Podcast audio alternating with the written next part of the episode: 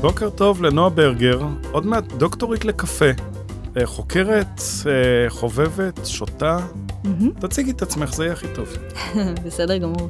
אני נועה ברגר, אני עושה דוקטורט בסוציולוגיה, יותר ספציפי בסוציולוגיה של קפה, ויותר ספציפי בסוציולוגיה של מהפכת האיכות בקפה, אה, ועוד יותר ספציפי, בצרפת ובברזיל. אני עושה את הדוקטורט הזה באוניברסיטה פריזאית, בצרפתית קוראים לה אקול דזות זה צ'ודון סיון סוציאל, בעברית זה בית הספר ללימודים מתקדמים במדעי החברה. אני מראש החלטתי שאני לא מנסה לחזור על השם הזה. זה בסדר גמור. בגלל זה נתתי לך להציג את עצמך. אוניברסיטה פריזאית זה מספיק טוב.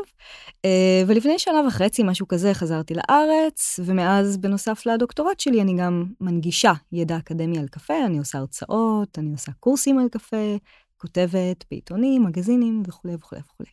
זה הסיכום של הפעילות המקצועית בגדול. האמת ששמעתי הרצאה שלך על קפה, ונדלקתי לגמרי. סיפרו לי לפני שאת יודעת המון על קפה, ושאת מאוד מעניינת, ונתקלנו פה ושם, אבל אחרי ששמעתי הרצאה, אמרתי, וואי, אני חייב להביא אותך. איזה כיף לשמוע. ואנחנו נתחיל קצת מההיסטוריה, כדי למסמר ולראות איך בכלל מתפתח קפה, למה אנחנו שותים קפה. אני מקווה שכל מי ששומע אותנו אוהב קפה, כי אם הוא אוהב רק תה, אולי פחות מעניין אותו. אז קודם כל, הקסם של קפה זה שלא חייבים לאהוב אותו בשביל להתעניין בו. גם אני לא מאוד אהבתי קפה כשהתחלתי לחקור, ודרך ההיסטוריה, הסיפור, ההיבטים החושיים, גם התרבות, הכלכלה, אה, גיליתי כמה זה משקה מרתק, וגם כאילו התאהבתי במשקה עצמו. רגע, רגע, רגע. התמכרת והחלטת שאת הולכת ללמוד קפה לפני שנורא אהבת קפה? Um, לא התמכרתי מעולם לקפה, אני לא בן אדם שצריך קפה בשביל להתעורר בבוקר, זה חלק מהעניין. אני שותה קפה בשביל ההנאה, בשביל החוויה, בשביל העניין. ואת הדוקטורט שלי התחלתי דווקא, אני מתחילה מההיסטוריה האישית שלי אולי, אבל התחלתי דווקא מתוך איזושהי מסגרת תיאורטית שקשורה לתחום שאני חוקרת, סוציולוגיה. פגשתי את המנחה שלי לדוקטורט, אה, קוראים לה אווה אילוז, היא ישראלית צרפתייה, פגשתי אותה בצרפת, והיא אמרה לי, תשמעי, אני... קיבלתי פרויקט ממש גדול, מימון מהממשלה הצרפתית, לחקור איך רגשות הופכים למוצרי צריכה. איך אנחנו מוצאים יותר ויותר uh, כסף, לא על מוצרים פיזיים, אלא על חוויות רגשיות, על אווירה. היא אמרה לי, ואם את מוצאת פרויקט זווית מעניינת לחקור את הדבר הזה, אני אתן לך מימון לדוקטורט. אז אמרתי, אוקיי. אז כזה 2013 הגעתי לצרפת, אה, והיה ז'אנר כזה חדש של בתי קפה דווקא שהתחיל לתפוס. מקומות וייב סקנדינבי, עיצוב מאוד נקי, שהקפה היה בהם במרכז. אני מאוד נהניתי ללכת למקומות האלה. הייתי יושבת שם והייתי שותה קצת קפה, אבל לא הייתי איזה בריסטה או איזה משוגעת לקפה או משהו כזה. אמ, ושאלתי את עצמי, למה אני הולכת למקומות האלה? מה הקטע של ללכת לבית קפה בשביל האווירה? מה הקטע של המקומות האלה שמוכרים לנו חוויה סביב הקפה?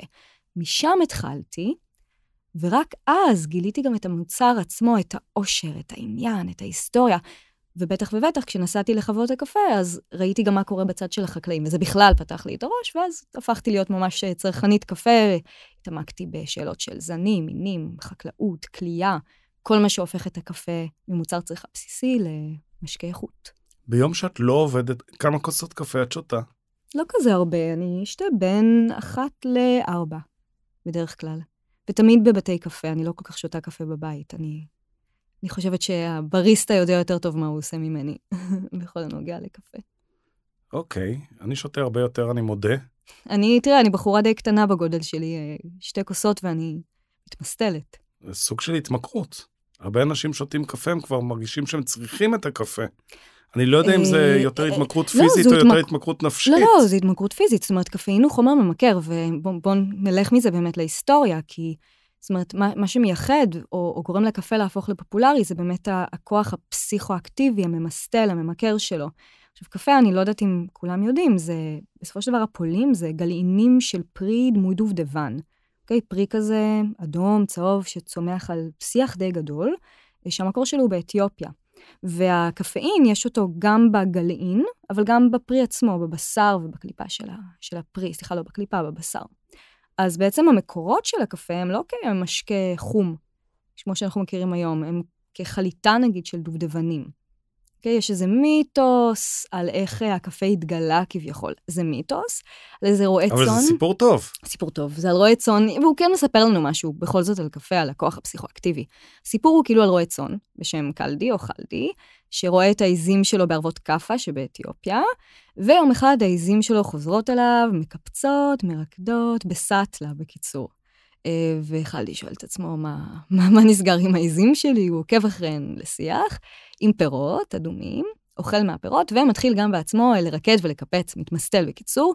לוקח את הפירות האלה בחזרה לכהנים מקומיים, הם זורקים את הפירות אה, לאש בכעס, וככה מתגלה כאילו כביכול הקפה, שהוא מיתוס, אבל הוא כן מספר לנו גם על המקורות של הקפה באתיופיה, וגם על הכוח המאוד חזק, הממכר, הפסיכואקטיבי, משנה התודעה של הקפה, ואלה באמת השימושים הראשונים שלו באתיופיה. זאת אומרת, אנשים לועסים את הדובדבנים, או עושים מהם חליטות, בשביל אה, האפקט המעורר שלהם. וגם כשהקפה מגיע מאתיופיה לתימן, אותו דבר. הסופים, שזה כת מיסטית של האסלאם, הם משתמשים בקפה לטקסים הליליים שלהם. כי הסופים עושים טקסים ליליים, אתם מכירים? הדרווישים המסתובבים כזה?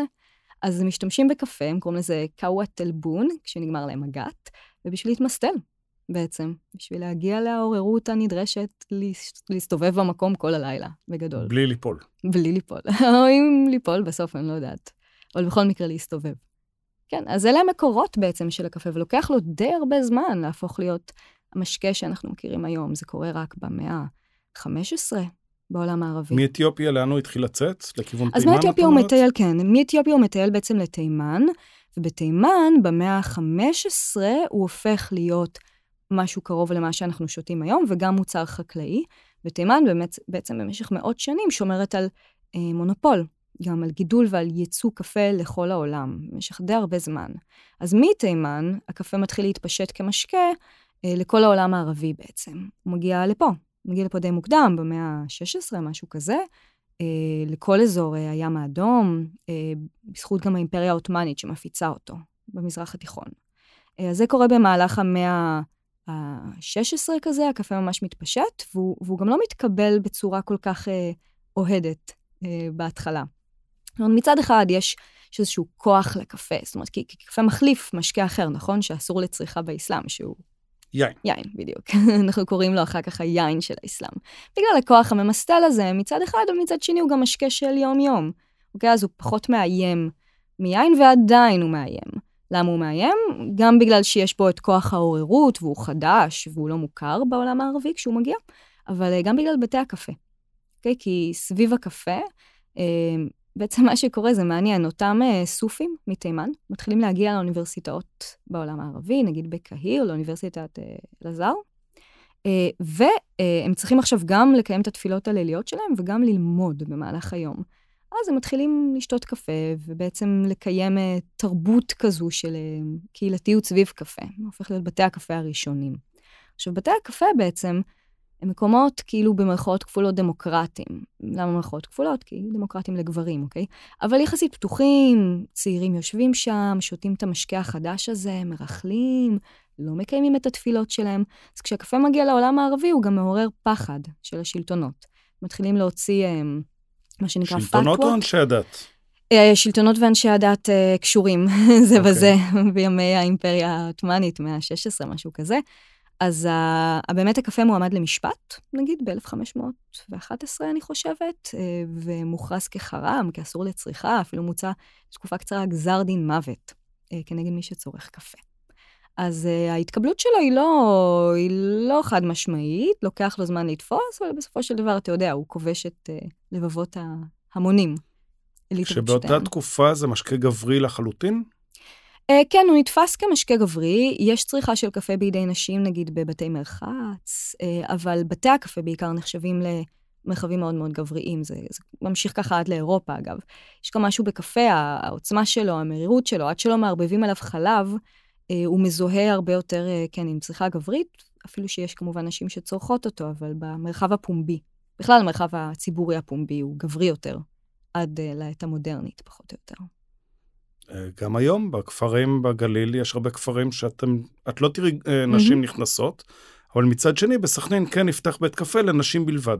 כן. סביבה מוגנת, mm-hmm. קפה, mm-hmm. מדברים, אף אחד לא מציק להם. כן, אז אה, זה נכון במידה רבה עד היום. הקפה הגיע בצריכה דרך העות'מאנים, אבל מתי גידול הקפה יצא מאזור אפריקה?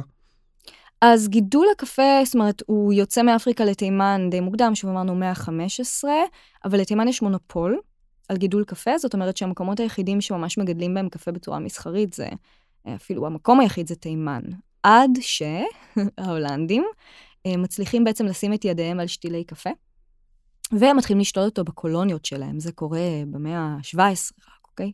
תחילת המאה ה-17, הולנד uh, מצליחה uh, לשים את ידיה על שתילי קפה, שותלת בקולוניות באינדונזיה. Uh, בהמשך, uh, גם צרפת מצליחה. רגע, שאלה, שתילים? Mm-hmm. צריך שתילים מיוחדים? אי אפשר פשוט להנביט את הזרע? Uh, צריך שתילים. צריך שתילים, uh, והאימפריה העות'מאנית מצליחה לשמור, די מדהים איך הם מצליחים לשמור כל כך הרבה זמן על המונופול על הדבר הזה, על גידול הקפה. Uh, די בקנאות. Uh, יש אפילו לתקופה מסוימת איסור על ייצוא של קפה מהאימפריה העות'מאנית דרך תימן, דרך נמל מוקה. אז ברגע שההולנדים מצליחים כאילו לגנוב כמה שתילים, אז הם אה, ישר רצים ושותלים. אה, והם שותלים איפה שהם יכולים, איפה שהם יכולים זה אינדונזיה. אה, אותו דבר קורה אחר כך עם צרפת, שמחליפה את הולנד בתור יצרנית הקפה הגדולה בעולם, והיא שותלת באיים הקריביים, דווקא. אחרי צרפת, אה, הכוח הבא שעולה ושותל הרבה קפה זה פורטוגל, ששותלת בברזיל, אוקיי? אה, כשבעצם אה, יש תמיד סיפורים כאלה של תחרות והחלפה, נגיד אה, ברזיל מחליפה את צרפת, אה, כשנפוליאון, צרפת מאבדת את האיים הקריביים אחרי המהפכה הצרפתית, ואז נפוליאון פולש לפורטוגל. אז האצולה הפורטוגזית בורחת אה, לריו דה ז'נרו, ומתחילה לנטוע שם מלא מלא מלא מלא קפה. כלומר, הקולוניאליזם הוא זה שקובע איפה מגדלים קפה. כן, יש פה שילוב של קולוניאליזם פלוס תנאים אה, אקלימיים ספציפיים, כי קפה ממש לא גדל בכל מקום בעולם, הוא גדל רק בחגורת הקפה. אה, צריך בשביל זה תנאים ספציפיים של מרחק מסוים מקו המשווה, אקלים אה, סאב-טרופי, אה, לילות יחסית אה, קרים, ימים יחסית חמימים, כמות מסוימת של משקעים. אז זאת אומרת, יש איזו הלימה מעניינת בין המקומות שכבשו אותם הכוחות הקולוניאליים, לבין התנאים שמאפשרים גידול של קפה. ומבחינת זנים, מתי התחילו להתפתח זנים? בהתחלה, אז, הזן שגידלו באתיופיה, אז הזן המקורי... מגדלים אותו גם היום, אה, נכון? אנחנו מדברים קודם כל על מינים.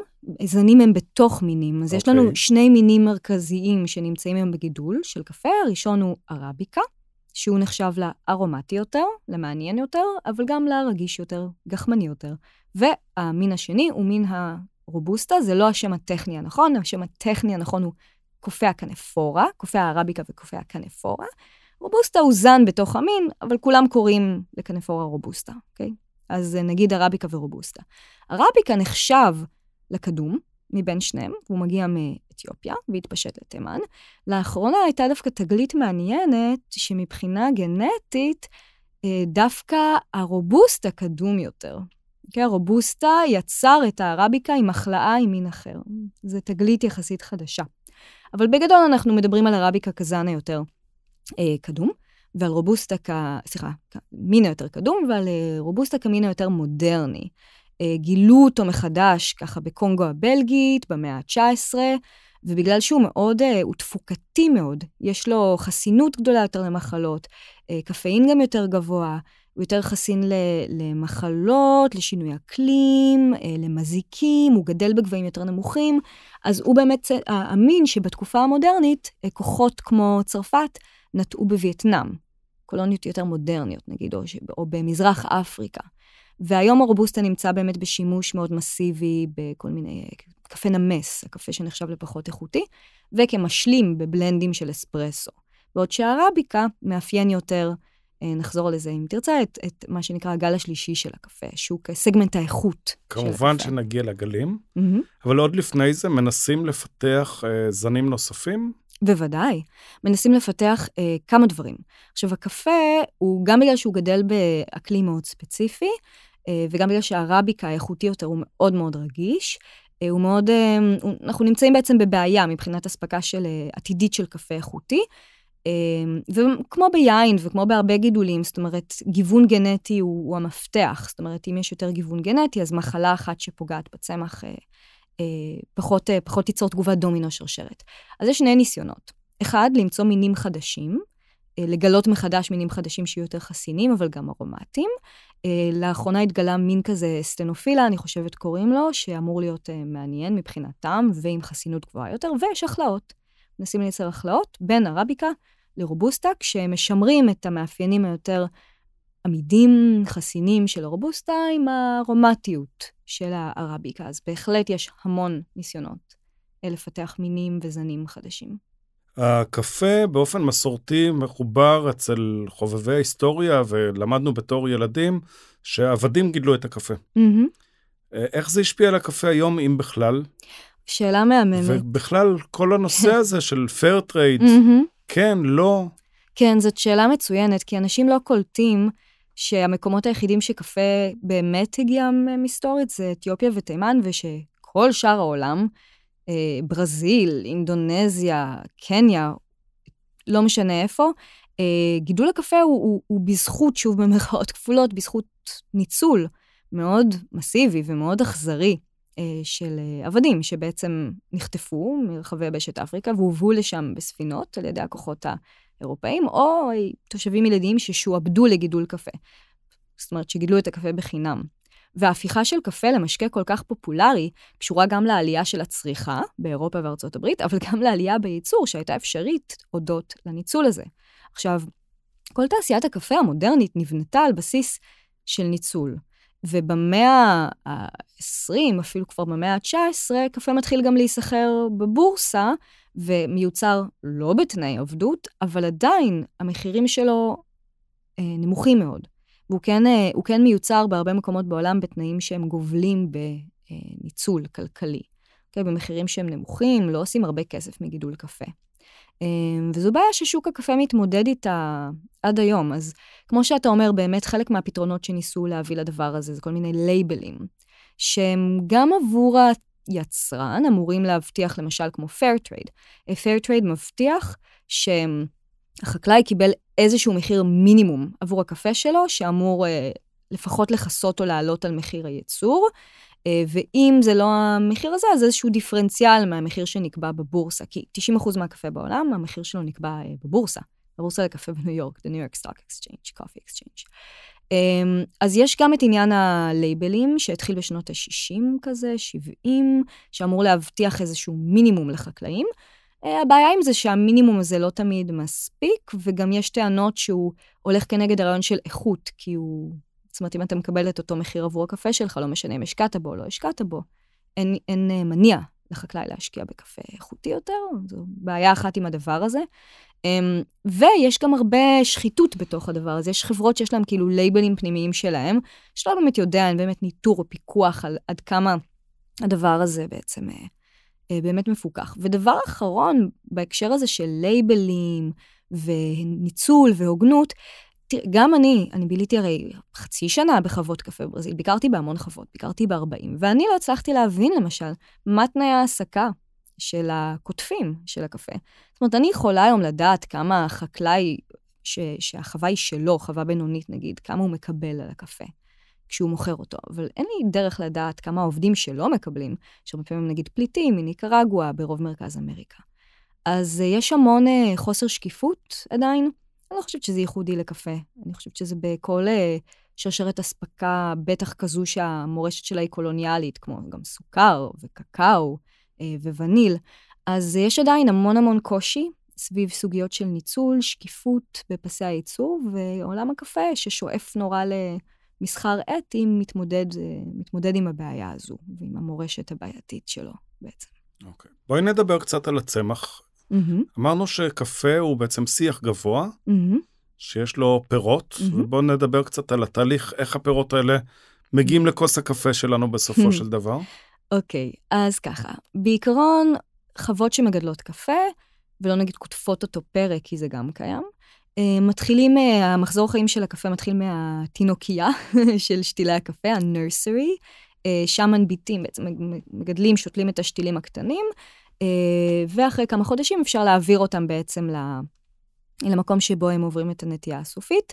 לוקח לצמח של הקפה משהו כמו ארבע שנים להניב פרי, ושבע שנים עד שהוא מגיע לבגרות. זה חשוב להבין את זה, זה לא סתם פרט לסבר את האוזן, כי כשיש למשל שינויים בעולם הקפה, של טרנדים, בזנים פופולריים, שיטות עיבוד, צריך להבין שהחקלאי שותל בעצם וצריך להכין את עצמו שבע שנים קדימה, זה הרבה. אז בעצם אנחנו שותלים, הצמח גדל. אה, לפני שהצמח מניף פרי, יש לו פריחה לבנה, אה, שהיא נראית ומריחה קצת כמו יסמין. זה קורה או פעם או פעמיים בשנה, וצריך אה, לא מעט גשם בשביל שהפרחים יופיעו. אז נגיד בשנים האחרונות, היה נגיד בברזיל, תקפו את הצמחים גם גלים של בצורת וגם כפור. זה פוגע מאוד בפרחים, אין פרחים, אין פירות. אוקיי? אז שוב, חלק מהרגישות וההשפעה של שינוי האקלים. זו ההשפעה בעצם. אה, אז יש לנו פריחה, מופיעה, אה, נעימה, ארומטית, אחריה מופיעים הפירות. כשהפירות בעצם מופיעים, הם צריכים כמובן להבשיל, כמו כל פרי, התפתחות של סוכרים, הם מתחילים בצבע ירוק, הופכים לצבע צהוב, ואז נשארים צהובים או הופכים לאדומים, ואז צריך לקטוף אותם, נכון? צריך לקטוף את הדובדבנים. יש לך פה שתי בחירות. או שאתה עושה קטיף אה, ידני, זאת אומרת, בני אדם עוברים... סלקטיבי, שבוחרים את מה ש... לא בשם. בהכרח, זאת אומרת, אה, זה, זה העניין. היום בעולם הקפה יש איזה רומנטיזציה כזו של כל מה שהוא ידני, נכון? כאילו ידני זה ארטיזנלי, זה טוב יותר, זה איכותי יותר. זה קודם כל בחירה כלכלית. אה, לא לכל חוות קפה בעולם אפשר להעלות מכונות שקוטפות, אה, לפעמים יש שיפועים מאוד, אה, מאוד גדולים, אין תקציב למכונה, אז בן אדם עושה את זה. עכשיו, הקוטפים גם, הם מקבלים תשלום לפי משקל של הדובדבנים. אז זה לא בהכרח אומר שהקטיף שהוא ידני יבחר את הדובדבנים הבשלים ביותר, כי, כי הדובדבנים לא מבשילים בקצב זהה. יש פירות על אותו ענף שיכולים להיות בוסר, ויכולים להיות רקובים, ויכולים להיות בשלים, אוקיי? אז על פניו אתה רוצה לקטוף את הפירות ברמת הבשלות האידיאלית, ואתה צריך גם לעבור כמה פעמים על כל שיח כזה.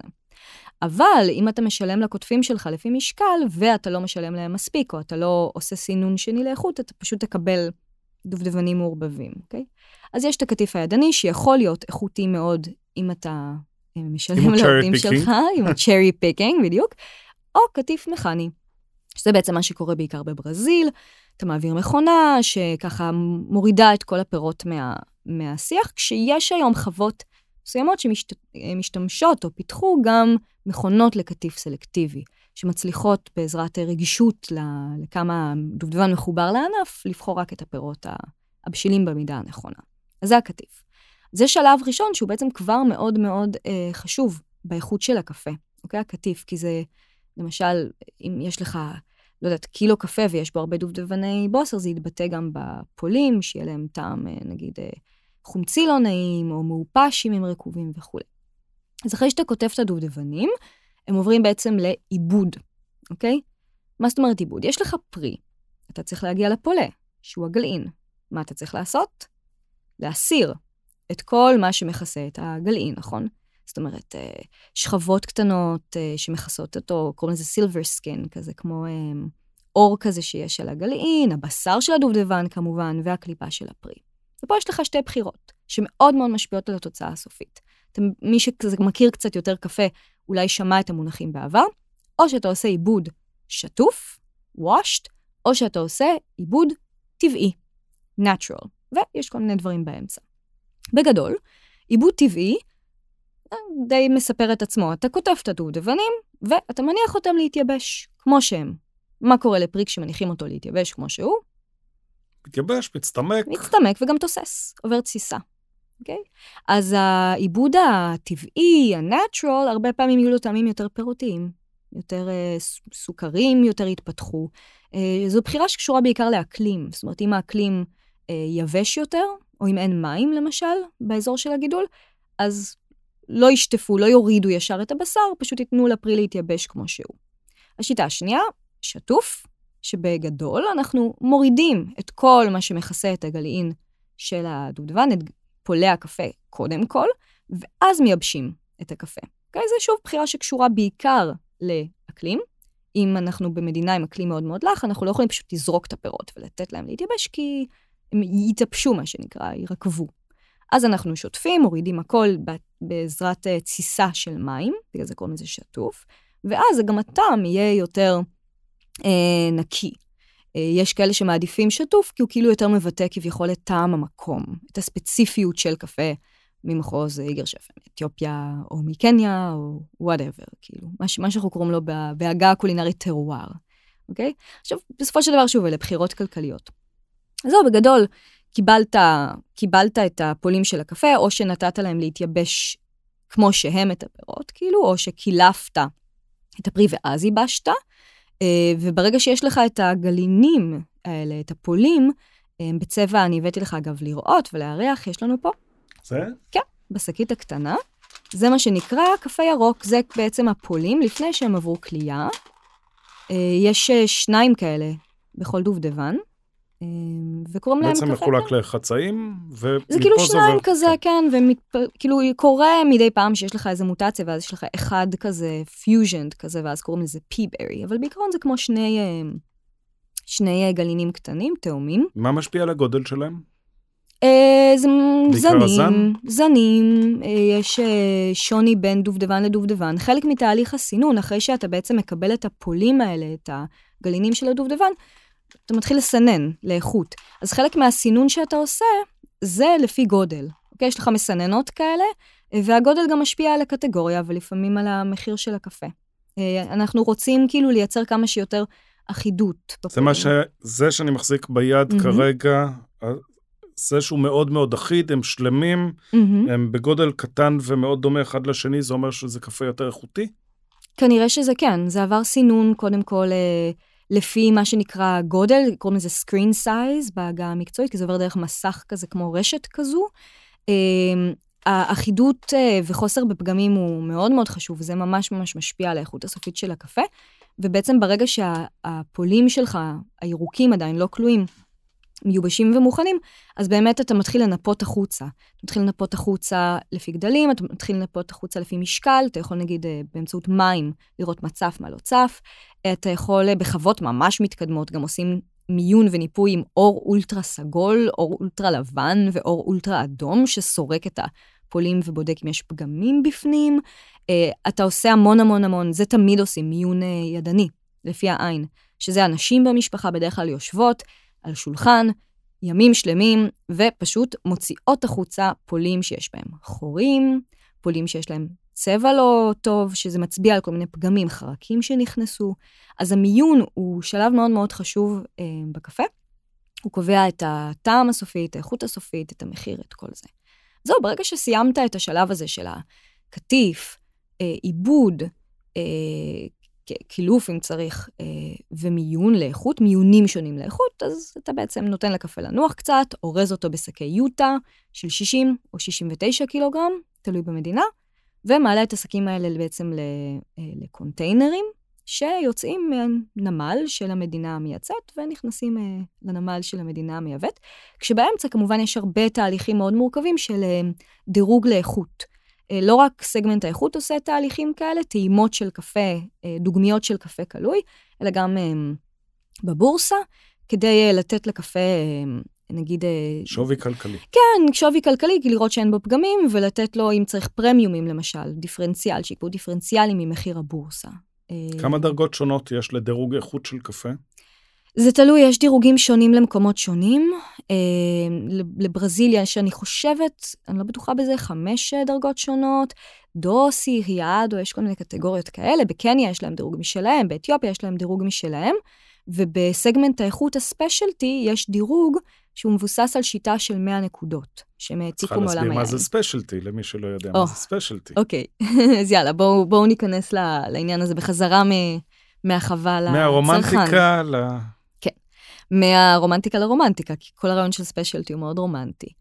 אז ככה, אמרנו שהקפה, עצרנו בעצם מבחינה היסטורית בעידן הקולוניאלי, נכון? זאת אומרת, צריכת הקפה וייצור הקפה מאוד מאוד גדלים אה, באירופה ובמקביל אה, ודרום אמריקה כמוצר אה, סחר קולוניאלי. ובעצם עם המהפכה התעשייתית, גם הקפה עובר איזשהו תהליך של אה, מסחור, של תיעוש. הם מקימים אה, את הבורסה לקפה, בהתחלה בהולנד ואז בניו יורק במאה ה-19, מתחילים לייצר קפה במפעלים, אה, במאה ה-19 מומצא נגיד instant coffee, אה, כשארצות הברית גדלה כמדינה צורכת, כמובן, זה משפיע מאוד מאוד על ההפיכה של הקפה למוצר אה, מדף, שגם לא רק נקלה, אלא גם נטחן מראש ומגיע ארוז בסופרמרקט עם מוצר נוחות כזה. אה, ואגב, גם מוצר מלחמה. כאילו, הקפה הוא אחלה של סם מלחמה אה, פסיכואקטיבי נהדר וזול. אה, בקיצור, אז הקפה בתחילת המאה ה-20 הוא כאילו מוצר ברוב העולם מתועש, ארוז מראש, אין הרבה תשומת לב לאיכות ומאוד מאוד זול. ומה שקורה בעצם זה שיש איזושהי תנועה אה, בשנות ה-60 וה-70 שמתחילה, מתחילה בסן פרנסיסקו בעיקר, אה, אבל בעוד ערים אמריקאיות. כי מה קורה בשנות ה-60 וה-70 בארצות הברית? היפים, ביטניקים, עניין באוכל מקומי, עניין באוכל אורגני, יש את ג'וליה צ'יילד שמבשלת אוכל צרפתי לאמריקאים, וגם תעשיית יין אמריקאית שצומחת, רוברט פארקר וכולי וכולי. ובעולם הקפה אה, רוצים להצטרף לחגיגה. אומרים, טוב, גם אנחנו רוצים לעשות כזה, לעשות מהקפה איזה מוצר איכות, מוצר טרואר, אה, מוצר ארטיזנלי, כל הרעיונות התרבותיים האלה שצומחים אז. ואז מתחילים להופיע קולי קפה קטנים, אה, לפעמים עשו הסבה מקצועית, שפתאום הולכים לחברות קפה ליבונים ואומרים, אנחנו רוצים פולים מיוחדים מקניה, מניקרגואה, ומתחילים כזה לקלוט אותם במקום, אה, ולשים אותם אה, בשקי יוטה כזה בחנות, ולדבר כזה על, על מקורות קפה, על כלייה ארטיזנלית וכל זה. ואיזושהי מזכירה דווקא ביבואן כזה של קפה, כותבת מאמר וקוראת לדבר הזה, היא אומרת, אה, היא קוראת לזה specialty coffee, היא אומרת, because of all those people, the buyers that want, that come here and want those special coffees. כאילו איזושהי מחשבה על קפה כמשהו שהוא לא סטנדרטי, שהוא לא יומיומי, אלא שיש בו גם איחוד ומקור. זו תחילת הגלים למעשה. זו תחילת מה שאנחנו, אנחנו עוד לא קוראים לזה גלים, כי הגל האחרון תמיד מגדיר את כל מה שבא מאחוריו, אבל כדי להיכנס לרטוריקה הזאת של הגל השלישי, אנחנו מדברים פה על ה... באמת על אה, גל שני של קפה, תכף אני אסביר מה זה אומר. אמ, אז בקיצור... נחזור רגע לגל ראשון, כדי אז כביכול, שוב, הטרמינולוגיה הזו היא מאוד בעייתית, הטרמינולוגיה הזו היא טרמינולוגיה של הגל השלישי, הבמרכאות כפולות, היפסטרי של הקפה, שאומרת שהגל הראשון של הקפה זה כאילו, נגיד התיעוש שלו, או הקפה האיטלקי, זה, זה, זה לא באמת הגדרה אובייקטיבית. כל מה שבא לפני המהפכה הזו של האיכות, לפני תנועת הספיישלטי קופי זה הגל הראשון. עכשיו, אתה יודע איך אתה מכמת אה, מאות אלפי שנות היסטוריה לגל אחד? בסדר. נגיד התיעוש של הקפה. ואז יש לנו בעצם איזשהו גל חדש בעולם הקפה, שזה הרעיון של קפה ספיישלטי, שזה בעצם כמה דברים. זה קודם כל שינוי תרבותי, כמו שאמרנו, אבל הוא גם שינוי מוסדי. זאת אומרת, נוצרים מוסדות חדשים לטעום, להעריך ולדבר בצורה שונה על קפה. אז המונח הזה של ספיישלטי קופי תופס, שהמציאה המזכירה הזאת, ארנה קנוצן קוראים לה, ב-74, אה, ומוקם ארגון גם, שקוראים לו ה-Specialty Coffee Association, זה קורה ב-1982, מוקם ה-Specialty Coffee Association of America, אה, ובעצם אה, עוזר למסד את ההגדרה והרעיון הזה של Specialty Coffee. עכשיו, איך מגדירים Specialty Coffee מבחינה טכנית? זה קפה שטועמים אותו, יש טעימה, שיטת טעימה מקצועית שלא הם המציאו, קוראים לה cupping, על בסיס טעימה של איכויות ארומטיות, של איזון, של מספר פגמים, נותנים לקפה ציון, מישהו שהוסמך לכך, על ידי ה-Specialty Coffee Association. נותנים ציון של 0 עד 100. אה, ואם הקפה קיבל לפחות 80 נקודות, אז הוא נחשב טכנית לספיישלטי קופי. זאת אומרת שספיישלטי קופי זה גם רעיון תרבותי, על ארטיזנליות, על איכות, על מקור, וגם הגדרה טכנית, 80 נקודות מתוך 100. למה... מה איטלקים אומרים על הרעיון של, שמתפתח בארצות הברית? אני לא חושבת שבנקודה הזו בזמן מאוד אכפת להם. Okay. אה, אוקיי. בטח, בטח לא כשיש חיבור מאוד מעניין בין הרעיון הזה של ספיישלטי קופי לבין תרבות הקפה האיטלקית. כי תרבות הקפה האיטלקית מתפתחת באיטליה, ייחודית ושונה מכל מה שקורה בכל מקום אחר בעולם. אה, הרבה בגלל אה, הפשיזם, שככה תומך בהתפתחות של תרבות קפה מהיר לפועלים וזול, כן? ממציאים שם מונחים כמו בריסטה. והקפה האיטלקי כן מגיע לארצות הברית, במהלך המאה ה-20, אבל הוא כאילו יחסית נישה אתנית. ומי שבאמת מנחיל והופך את הקפה האיטלקי למחובר לרעיון של איכות בארצות הברית, וגם תרבות הקפה הגלובלית, זה הרבה מאוד סטארבקס. כי מה קורה? סטארבקס הם מחלוצי ה specialty coffee, התנועה הזו, הם בית קלייה קטן בסיאטל, שממש מדבר את השפה הזו של האיכות של ה specialty. ורוכש את סטארבקס יזם בשם האוורד שולץ בשנות ה-80. האוורד שולץ נוסע למילאנו, והוא הולך לאספרסו בר, והוא מאוד מתרשם מהספקטקל הזה, מה show של הבריסטה שמקציף חלב ומצייר על האספרסו, והוא אומר, יאללה, בואו נחזיר את הרעיון הזה לארה"ב. הוא בעצם הופך את סטארבקס לרשת שהיא גם כאילו specialty, זאת אומרת, כל הדיבור על קיימות, חקלאים, טה-טה-טה, ורשת של קפה איטלקי. עכשיו, הם מתחילים עם מכונות גם של לה מרזוקו, ארטיזנליות וכל זה, אבל מהר מאוד הערך ה show והערך האסתטי וערך הלייפסטייל גובר על כל ההיבט הארטיזנלי של הקפה, והם שומרים את האספרסו, אבל הם מוסיפים לו הרבה יותר חלב, סוכר, סירופים, זורקים את המכונות הארטיזנליות שלהם, של לה מרזוקו, ועוברים למכונות עם כפתור. אגב, כמעט מרוששים את חברת לה מרזוקו, כי כאילו סטארבקס זה הלקוח היחיד שלהם בערך, ופתאום כל השוק מוצף במכונות יד שנייה. עוצר אותך שנייה לשאול על חלב, מתי חלב התחיל להיכנס לקפה? אז חלב נכנס לקפה אה, במהלך המאה ה-17, כשקפה מגיע לאירופה. עכשיו, כשקפה מגיע לאירופה, הוא מגיע עם האימפריה העות'מאנית, אה, והוא תופס באירופה בגלל שהוא מוצר אקזוטי, אה, וחדשני, וארומטי. אבל העובדה שאין בו חלב גם ככה עוצרת את הקפה מלהפוך לפופולרי באמת, כי הוא זר. הוא זר והוא מוזר והוא לא מוכר והוא מאיים והוא גברי. הקפה השחור. הוא מר קצת. הוא מר, הוא קפה שחור, כאילו קפה טורקי. אז ברגע שמתחילים לערבב חלב אל תוך הקפה, זה מאוד עוזר לו להיתפס כמוצר אירופאי יותר. הוא מלבין אותו פיזית וסימבולית, הוא ממתיק אותו, אז פתאום גם נשים יכולות לשתות אותו, הוא יותר מהוגן, ומעמדות הפועלים גם שותים אותו לארוחת בוקר, במקום שוקו חם. אז הקפה מתערבב, חלב וקפה ככה נפגשים ומתערבבים עוד במאה ה-17, זה ממש סוד ההצלחה. סוכר נכנס כבר אז או יותר מאוחר? אה, אני חושבת שסוכר נכנס גם כבר אז להמתקה. אה, גם מוצר סחורה קולוניאלית שפוגשת את הקפה, והקפה והסוכר גם הופכים להיות בעלי ברית כמדכאי רעב בתרבות המפעלים שצומחת לאחר מכן. דוחפים את זה לפועלים כדי שישתקו ויעבדו בעצם, את הפסקות הקפה ואת הסוכר, כאילו. יש להם גם תפקיד, אה, תפקיד בעייתי מאוד בהיסטוריה, גם של המערב. אז בעצם החיבור הזה, זה מצחיק, קפה וחלב מתחברים ועוזרים אחד לשנייה באירופה במאה ה-17, ואז שוב באמת, דרך הקפה האיטלקי הזה, יש עוד חיבור שנותן איזשהו ערך אסתטי אה, יותר לקפה, בזכות ה latte art, הציורים על הקפה, אה, שגם סטארבקס מאוד עוזרים אה, להפוך לפופולריים. אז סטארבקס הם חכמים ומאוד ממנפים את הקפה כאובייקט אסתטי, כאובייקט לייפסטייל, בזכות הכוסות עם הלוגו, בזכות המרחב שהופך למרחב עבודה. בזכות גם הציורים והסירופים והתוספות, בדיוק כמו שאמרת, של סוכר וחלב לתוך הקפה, יש לזה משמעות תרבותית. ו... בארץ הם נכשלו קשה מאוד שהם ניסו להיכנס. בארץ הם נכשלו, כן. לא היה לנו טעים. אה, יש כמה הסברים לזה, אני לא, אין תשובה אחת, אבל אומרים שבאמת הם סירבו להתאים את עצמם לחיך הישראלי. הם, הם סירבו לעשות מה שנגיד מקדונלדס עשו, אנחנו קוראים לזה בסוציולוגיה גלוקליזציה. גלוקל, גלובל ולוקל.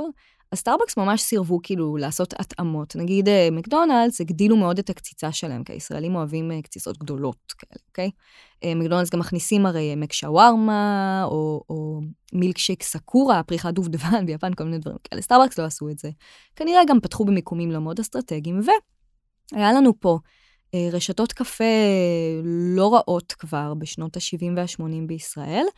אמ, אז כן, סטארבקס לא תפסו, אבל אני חושבת שהם אמורים להגיע עכשיו לנסות שוב לפרוץ לשוק. אמ, גם בישראל, זה מצחיק, בגלל שסטארבקס לא תפסו, אה, זה היה אתגר בהתחלה לבתי הקפה היקרים יותר, ל special, לגל השלישי של הקפה. כי לא היה פה מי שחינך את הצרכנים אה, לשלם יותר על קפה. זה אגב, שוב, אם אני חוזרת לארה"ב ולהיסטוריה, אז סטארבקס, כאילו מצד אחד, מאשימים אותם הרבה פעמים שהם כאילו הרסו את הקפה, מצד שני, הם, הם בנו את הקר, את הקרקע שעליה אה, נבנה הגל השלישי הזה של הקפה, המפנה האיכות הנוסף, כאילו, שזה להרגיל את הצרכנים לשלם יותר על קפה. הגל השלישי מתי התחיל בערך? שנות האלפיים, אנחנו מדברים על אוקיי. שנות האלפיים. אה, כשזה בעצם באמת התנגדות למה שקרה עם סטארבקס ודומיהם. זאת אומרת, הרעיון הוא, לפי חלוצי הגל השלישי, היה לנו פה התחלה לא רעה, אנשים שרצו לדבר ולחשוב על איכות הקפה, אבל וואלה, הם התמסחרו, איבדו את הדרך, ואנחנו רוצים להחזיר עטרה ליושנה, להתחיל שוב פעם ברעיון של איכות, קיימות, כלכלית, סביבתית, חברתית, אמ, ולא להתפשר על דמות הבריסטה, על ההכנה הארטיזנלית יותר של הקפה. ואז הדבר הזה, כמו שהגל השני, סטארבקס ודומיהם, וה specialty התחבר לתרבות יאפית, מה שהיינו קוראים פעם, אז הגל השלישי מתחבר למה שאנחנו קוראים תרבות היפסטרית, שזה מילת קוד כדי להגיד מעמד ביניים גבוה, עירוני, יצירתי, קוסמופוליטי, מטייל. אז הגל השלישי הזה צומח מתוך התנועה התרבותית הזו, בעצם, של העניין בארטיזנלי, ובקיימות, ובאיכות הבלתי מתפשרת, ואז בעצם ההשפעה התרבותית היא מאוד יוצאת שוב פעם מארצות הברית, אה, ומסקנדינביה, מהעולם האנגלו-סקסי. אז הפעם, אם הייתה לנו כניסה של קפה איטלקי ב specialty, עכשיו יש לנו אה, כניסה של קפה סקנדינבי יותר ואמריקאי. הפילטר, שאנחנו היינו רגילים לחשוב עליו כקפה אמריקאי דלוח, פתאום מקבל טוויסט, והופך להיות כאילו משקה הדגל. כי הוא כביכול מאפשר לנו להעריך יותר את העושר הארומטי שבמשקה, ללגום את הקפה יותר לאט, אה, וזה מגיע עם גם אסתטיקה של בתי קפה שהם מאוד נקיים, מאוד לבנים, הרבה שימוש בעץ. אה, אז שוב, זו תנועה שהיא גם כאילו תנועה של טעם מסוים, קפה שהוא הרבה פעמים תואם לנו חמוץ יותר, חומצי יותר, אה, וגם היבטים יותר עיצוביים אסתטיים. כשאנחנו מדברים על גל שלישי, אנחנו מדברים בעיקר על צורת ההגשה וההכנה בבתי קפה, בצריכה בחוץ, או בבתים? גם או וגם. וגם? אה, גל, אם ספיישלטי זו הגדרה טכנית, גל שלישי היא לא הגדרה טכנית, היא הגדרה של איזושהי אה, רוח או גישה או יחס לקפה, כשהרעיון הוא איזושהי באמת אה, אה, רצינות, ארטיזנליות ואיכות. אני חושבת שארטיזנליות היא ממש מילת מפתח פה, אוקיי? כי איכות זה מונח מאוד מאוד סובייקטיבי. אז ארטיזנליות במובן של לפרק את הכל לגורמים מאוד קטנים ולרזולוציות מאוד דקדקניות. אז אם זה קפה בבית, זה באמת להשקיע המון בציוד אה, של שקילה מדויקת של הקפה, של טמפרטורה של המים, יש גם כאלה שמכינים את המים שלהם בעצמם, של מדידה של רמת החומציות במים, של תחינה מדויקת, ושל בחירה בין אם זה אספרסו או ידני, במכשירים שיש בהם שליטה מאוד גדולה למשתמש. גם מבחינת הפולים, החומר הגלם שאנחנו עובדים איתו, אה, זה לדבר על רזולוציות יותר מדויקות מקפה מאתיופיה או קפה מקניה, אלא קפה ממחוז איגרצ'ף באתיופיה, מקואופרטיב ספציפי אפילו מחווה ספציפית, ווואלה, לפעמים אפילו מחלקה ספציפית, אוקיי? מייקרולות, מה שקוראים. זאת אומרת, רזולוציות נהיות מאוד מאוד מאוד מאוד מדויקות. וראינו גם שהכלייה נעשית בווליומים קטנים יותר, ואמורה לשקף את ההבדלים בין אה, חקלאי, חלקה, עונתיות, דברים מהסוג הזה. אז באמת עניין של רזולוציות, ועל זה מודבק איזושהי, אה, איזושהי תנועה תרבותית יותר, אסתטית, של בתוך איזה הקשר הדבר הזה צומח ולמה הוא מתחבר. שזה, שוב, מה שאנחנו קוראים בתי הקפה ההיפסטרים, או הלוק ההיפסטרי הסקנדינבי הזה, עם הבריסטה, עם הקעקועים. שמתחילים לפרוח גם בארץ. אה, לא מתחילים, כבר כמה שנים טובות, כן. תפס פה מאוד, אה, מאוד יפה הגל השלישי, האמת, והולך וגדל. אה, האמת שכאילו תרבות הקפה המקומית היא בעיניי מהמעניינות בעולם, באמת. כי גם הגל השלישי פה תופס צורה מאוד מעניינת. קצת פחות, אה, לדעתי האישית, קצת פחות שבלונית ממקומות אחרים בעולם. אה, הסקנדינבי, יש פה איזה מקום שניים ב vibe הזה, אבל רוב המקומות לא עושים copy-paste. זאת אומרת, יש הרבה יותר um, כורח, צורך, צורך, כורח, סליחה, בישראל להתאים את עצמך. אה, אני חושבת ללקוח המקומי, לבצע התאמות, מודיפיקציות, אז בתי הקפה פה הם כזה, גם משמרים משהו מהבלנד שפונה לקהל יותר רחב, וגם יותר את ההיי-אנד, המיקרולוטים, חד-זני, אה, בקליעה בהירה. בוא נדבר באמת קצת על טעמים. Mm-hmm. אנחנו צריכים לבחור איזה פולים אנחנו רוצים, mm-hmm. איך זה משפיע על הטעם של הקפה. Mm-hmm. זה פעם אחת, ופעם שנייה, מה יש בקפה בעצם? איזה ריחות אנחנו מרגישים, איזה טעמים אנחנו מרגישים, לאן אפשר לקחת את זה בכלל? Uh, וואו, זה נושא סופר מורכב. זאת אומרת, שוב, אפילו רק כשדיברתי איתכם על תהליך הגידול והעיבוד של הקפה, ראית איך לכל שלב יש השפעה מאוד מכרעת על התוצאה הסופית. תראה, בסופו של דבר, רוב האנשים, אנחנו לא באמת נוכל להבדיל אה, להרגיש הבדלים מאוד מאוד משמעותיים בין כוס קפה לכוס קפה, אוקיי? זה שיח שהוא מאוד ספציפי, אה, ובסוגי קפה מאוד ספציפיים אתה יכול להרגיש הבדלים מאוד מאוד גדולים. כמובן אבל שיש, אה, ממדינת המקור, יש מאפיינים של טעם בין מדינות מקור שונים, הם מאוד, בוא נגיד, מוקצנים ומובלטים על ידי האנשים שקונים את הקפה, כי כמו ביין, החלטת על פרופיל טעם מסוים שמאפיין את שמפניה, אז תבחר בשיטות העיבוד ובמוצרים שמשקפים את מה שאתה החלטת שהוא, שהוא שמפניה. זה לא אובייקטיבית out there, חוץ מתנאי אקלים מסוימים, אוקיי? זה זנים שאתה נתת שם והחלטת לעבד בצורה מסוימת. אז אותו דבר בקפה, יש פה הרבה עניין של בחירות, אבל יש נגיד, אה, נהוג להגיד שקפה מברזיל, יהיה עם אה, גוף מלא יותר, זאת אומרת, אה, מרקם יותר כבד בפה, יותר כמו חלב מאשר מים, טעמים אגוזיים יותר, שוקולדים. נוטים להעדיף, במיוחד בגל השלישי, קפה הרבה פעמים מאתיופיה או קניה, שמתארים אותו כבעל חומציות גבוהה ונעימה, טעמים פירותיים, ארומות, יש הרבה התעסקות בדברים האלה, כששוב, התוצאה היא שילוב של המון המון המון המון גורמים, מה... אקלים ואדמה, שיש להם השפעה מסוימת, לבין איזה זנים של איזה מין נתת, איך איבדת אותם, איך מיינת אותם, הכלייה, המים שאתה משתמש בהם, אתה יודע, 95% מקפה פילטר זה מים, יש לזה הרבה השפעה. אז כאילו זה תהליך מאוד מורכב הטעם הסופי. וכדי להבחין בדקות של טעמים, אה, צריך המון המון אימון, והמון חשיפה, והמון ניסיון, אה, שזה קצת בעייתי במקום מסוים, כי תראה, יש משהו בקפה שהוא מתעתע. הוא כאילו מוצר נורא זול. גם כוס קפה יקרה, כולנו יכולים להרשות לעצמנו אחת כזו, אוקיי? אבל בשביל באמת להיות מסוגל לדבר את שפת האיכות של הקפה, אתה צריך אה, המון חשיפה להתנסויות שונות, אתה צריך המון ידע, אתה צריך ביטחון, אתה צריך אנשים שיכירו ויסבירו לך. אז כאילו יש בזה משהו שהוא, שהוא לא פתוח כמו שהיינו רוצים לחשוב. ובכלל, כשכאילו נגיד בקפה הרבה יותר קשה לה, להרגיש בהבדלים מאשר, אה, מאשר יין, למשל.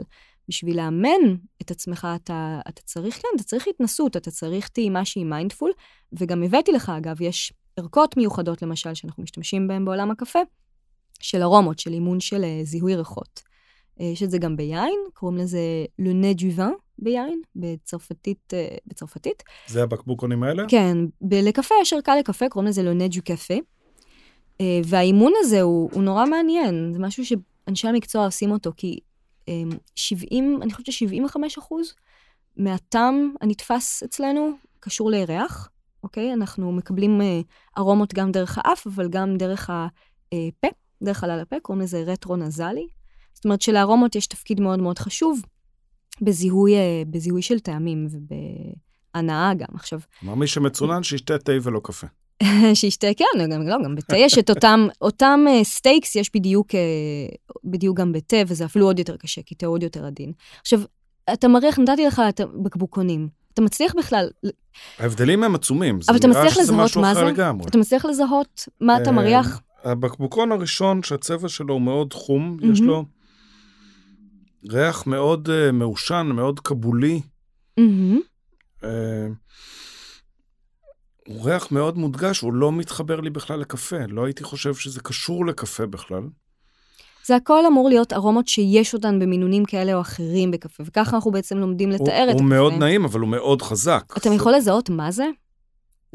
זה לא מבחן, זה בדיוק הפואנטה, כן. שזה ממש קשה.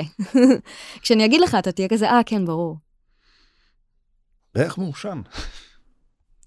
אני חושבת שזה עשן. זה ריח של עשן, אמרתי מעושן. אני חושבת שזה ריח של עשן, יפה, הצלחת. נכון. נעשה עוד אחד. תנסה, זה יחסית קל. אני חושבת שאתה תצליח, תסגור פה את הבקבוקון. עכשיו את מאתגרת אותי, אם אני לא מצליח זה פדיחה. לא, אז זהו שלא, זה בדיוק הפואנטה שלי, שזה לא פדיחה, מה עשיתי עם הטלפון? אה, שזה ממש לא פדיחה, אה, הדבר הזה. אני אצלם אותך תוך כדי גם. מריח. כל הקטע... ריח מאוד מאוד פרחוני. Mm-hmm. זה אם אני אתחבר למה שסיפרת לי קודם, זה אולי הפריחה, הריח של הפריחה של הקפה. אז הריח של הפריחה של הקפה הוא ממש יסמיני. אמ, מה שאתה מריח עכשיו זה תפוח. זה דווקא ריח סינתטי נכון, של תפוח. נכון. אז כשאני אומרת לך, זה ברור. כן. עכשיו, אתה לא, אתה לא כאילו, you're not doing badly. כל הפואנטה היא כזו שלהריח, זאת אומרת, טעם מאוד תלוי בריח, ולהריח זה ממש, ממש קשה. יש לזה סיבה, אגב, ממש מעניינת, שהיא שכל שאר החושים עוברים דרך אזור במוח, שקוראים לו הטלמוס, שמחובר לשפה. וריחות לא עוברים דרך הטלמוס, הם הולכים ישר לאזור ההדוני, הלימפטי במוח, שקשור לרגשות. זאת אומרת, קל לנו מאוד להגיד, אה, שריח הוא טוב או רע, או שהוא יעורר בנו זיכרונות ותחושות, אבל לא, אה, לא לזהות ריחות. אוקיי, אז כל העניין הזה של, של לתאר קפה, של להרגיש הבדלים, כאילו, מצד אחד, אנחנו יכולים לעשות את זה יותר טוב ממה שאנחנו חושבים. זאת אומרת, אמ, אני יודעת לזהות הבדלים בין סוגי קפה שונים, חמיצות, כאלה דברים, אבל בכל הנוגע ל, לרזולוציות האלה של הגל השלישי של הקפה, או גם של עולם היין, של לשים ארומות מסוימות, תיאורים מסוימים, זה, זה עבודה ממש קשה מבחינה קוגניטיבית. זה, אנחנו לא בנויים לזה. אה, וזה צריך המון המון המון המון אימון, והמון המון חשיפה, ו, ו, וידע הוא לא, הוא לא בחינם. זאת אומרת, גם אם הוא לא עולה כסף, הוא עולה זמן, והוא עולה השקעה, והוא עולה מאמץ. אז חלק מהעניין הזה של... תחביב שמתפתח, הרבה אנשים אה, בוודאי. הפכו אותו לתחביב מאוד משמעותי. זה תחביב סופר כיפי גם, כאילו, כי, כי לא צריך להשקיע בזה בהכרח כסף, כן? אבל, אבל גם מודעות וגם זמן הם לא ברורים מאליהם. לטעום בצורה שהיא מה שאנחנו קוראים לה מיינדפול. אז כשאתה שואל כאילו על כל הערכת הטעמים, יש את הצד של כל מה שקורה לקפה כדי לייצר את המורכבות, אבל המורכבות הזו היא, היא בכוס, ואז יש את מה שקורה כשאתה פוגש את כוס הקפה, שהוא הקוגניציה שלך וה... הכימיה והביולוגיה, כאילו, של הגוף שלך. איך אה, יש... חובבי אה, הקפה. המושבעים מגיבים לנושא של הוספת אה, טעמים נוספים לקפה?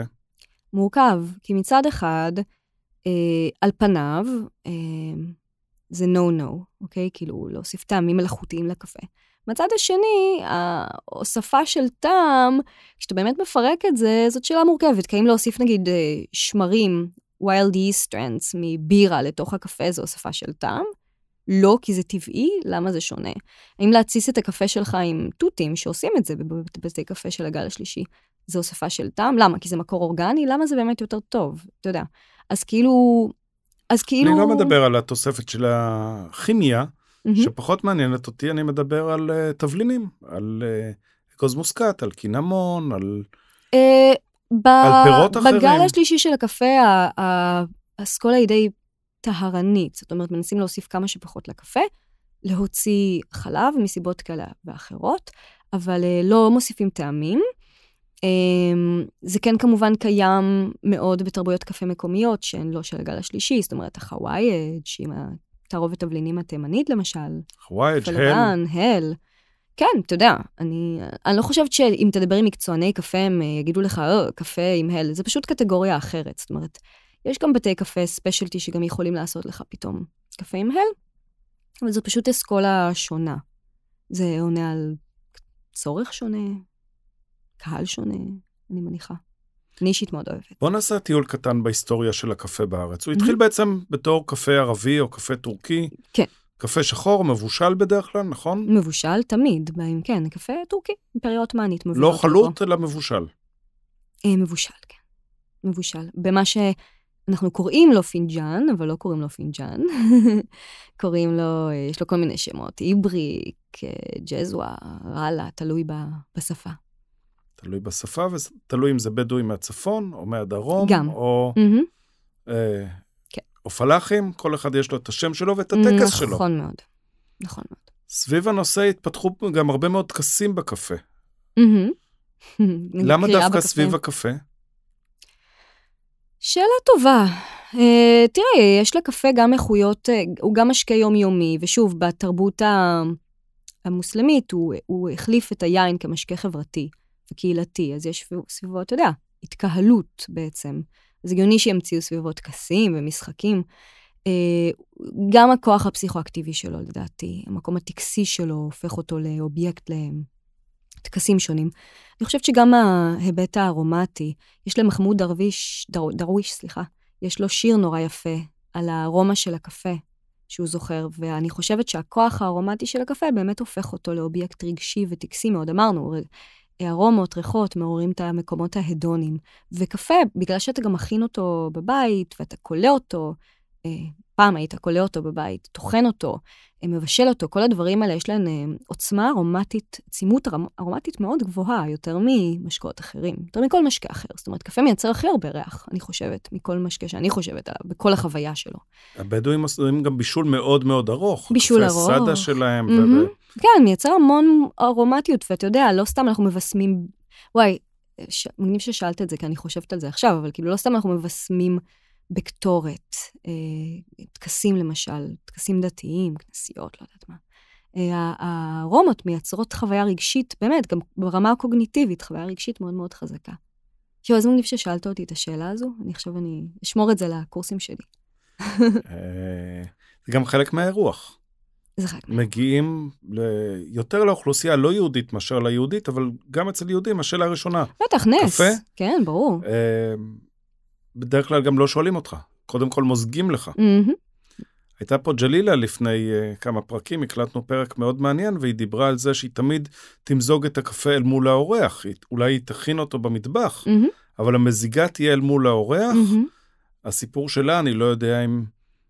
איך זה עבר במהלך השנים, אבל היא אומרת שזה חשוב כדי שיראו, היא גם הראשונה שתשתה כדי שיראו שהקפה לא מורעל. כן, בתרבויות, אה, בתר...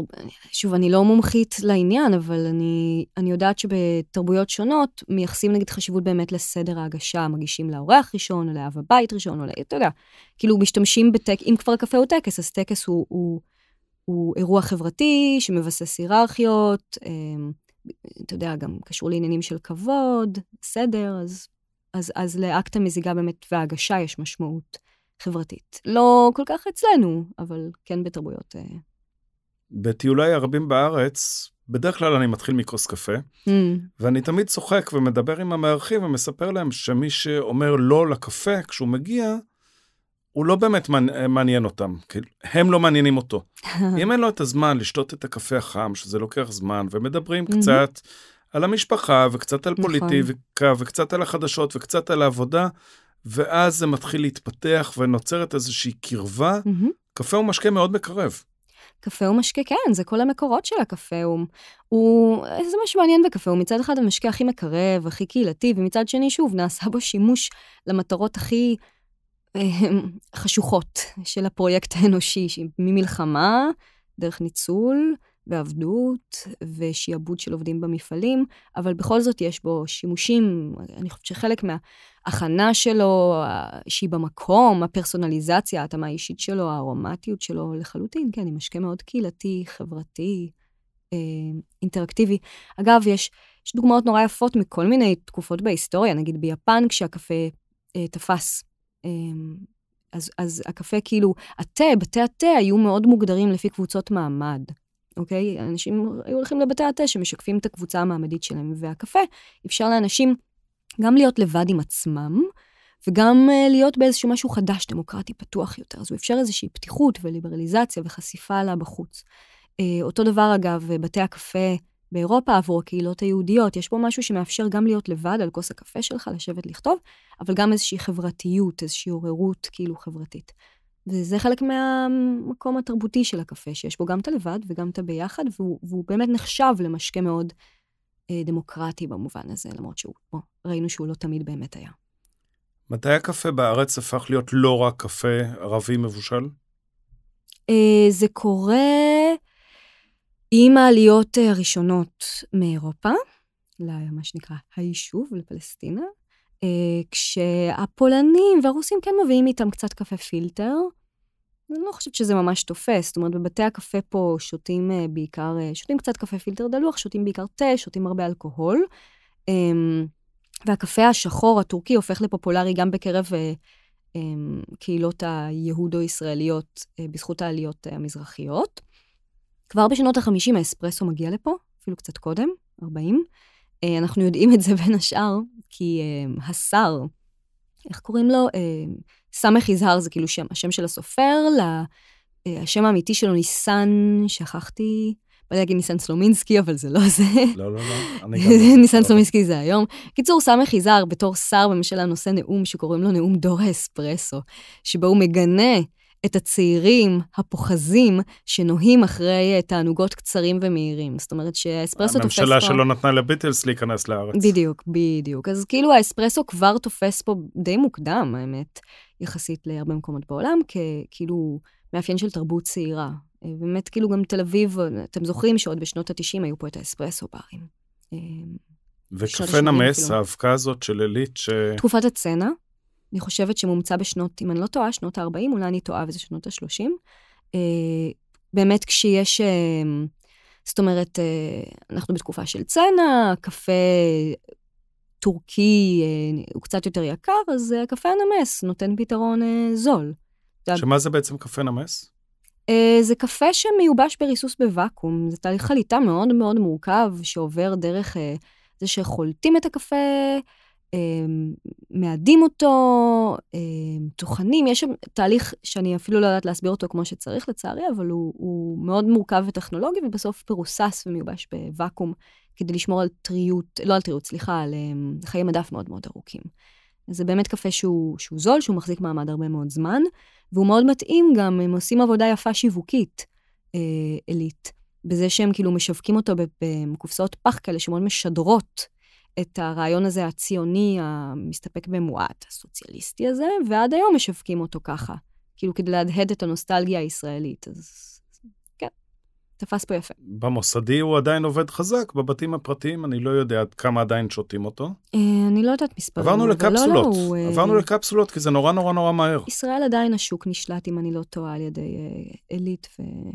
וכן, שחור בין השחור לנס, כאילו. אבל כן, הקפסולות תופס נתח יותר ויותר גדול בכל העולם, לדעתי הוא לא, הוא לא שולט בבתים הישראלים עדיין בכלל.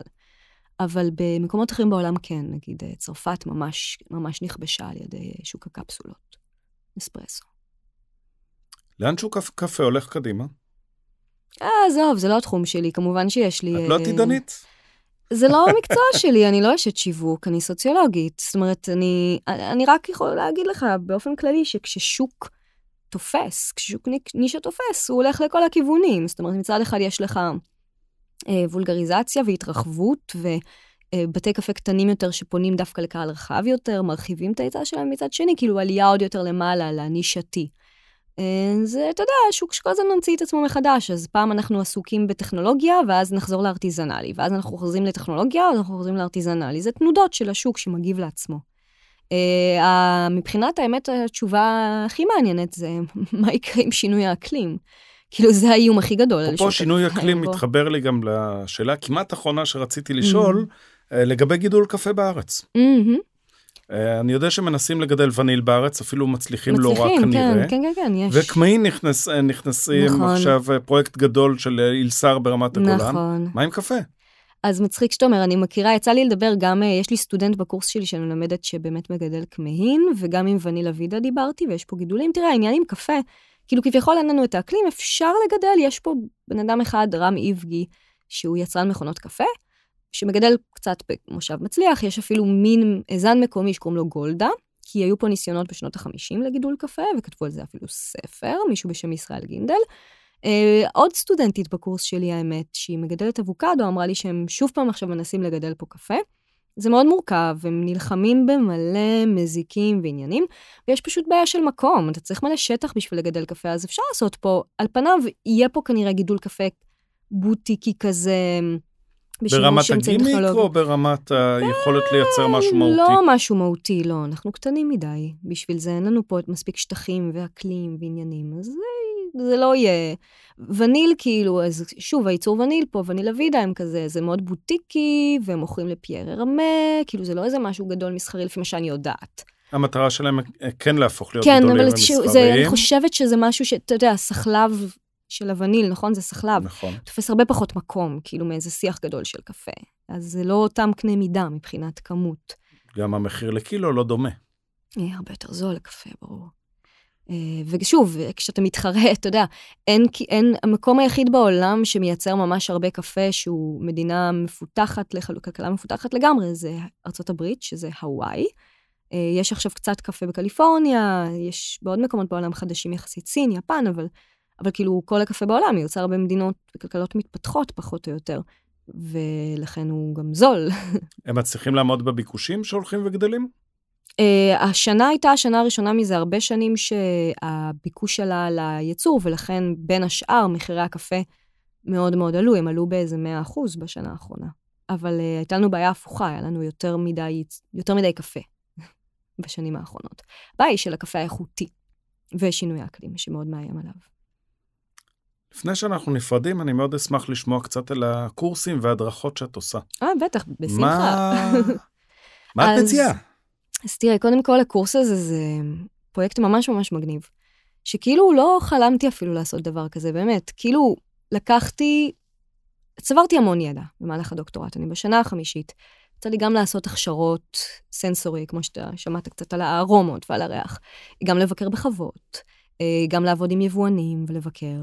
ורציתי למצוא דרך כאילו לארוז את הדבר הזה אה, ולהנגיש אותו בצורה קצת תמציתית, אז בניתי קורס של שלושה מפגשים, כל אחד מהם שעתיים בעצם, אה, כשבכל מפגש אני מדברת על היבט אחר של שוק הקפה, מהמקורות עד, עד ממש של החושים שלנו. אז יש מפגש ראשון שאני קוראת לו Origins, מקורות, שהוא כל מה שתיארנו בהרחבה על מה קורה בחווה, והיסטוריה גלובלית של הקפה, אז קיבלנו איזה תמצית של זה תכלס בשיחה. אה, שעתיים עם טעימות גם של קפה ממקומות שונים בעולם.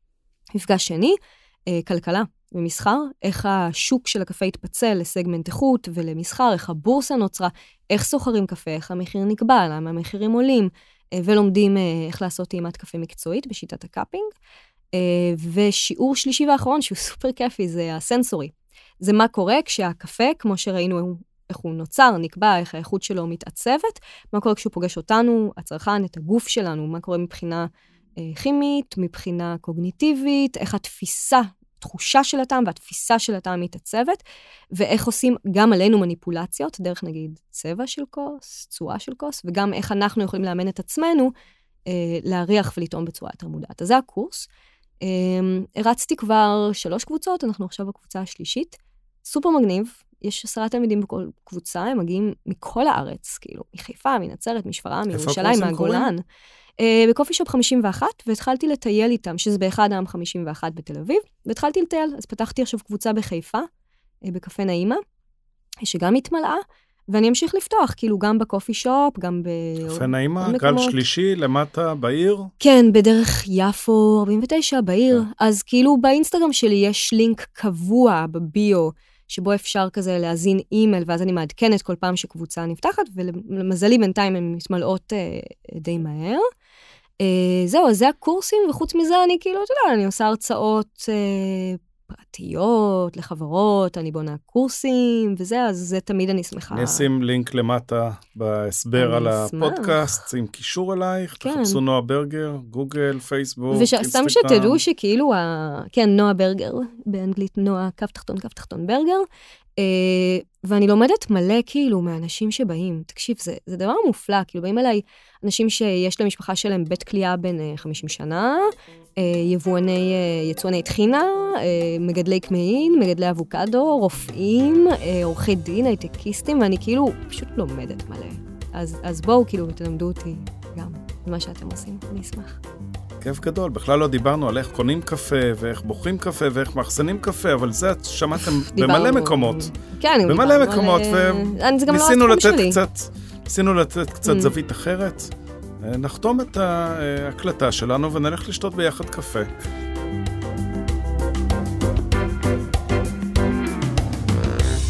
תודה שהאזנתם לעוד פרק של הפודקאסט קולינריה מקומית. אני מקווה שגם היה לכם כיף וגם קיבלתם ערך ולמדתם דברים חדשים. אם אתם אוהבים קולינריה ונהניתם, אתם מוזמנים להירשם למעקב.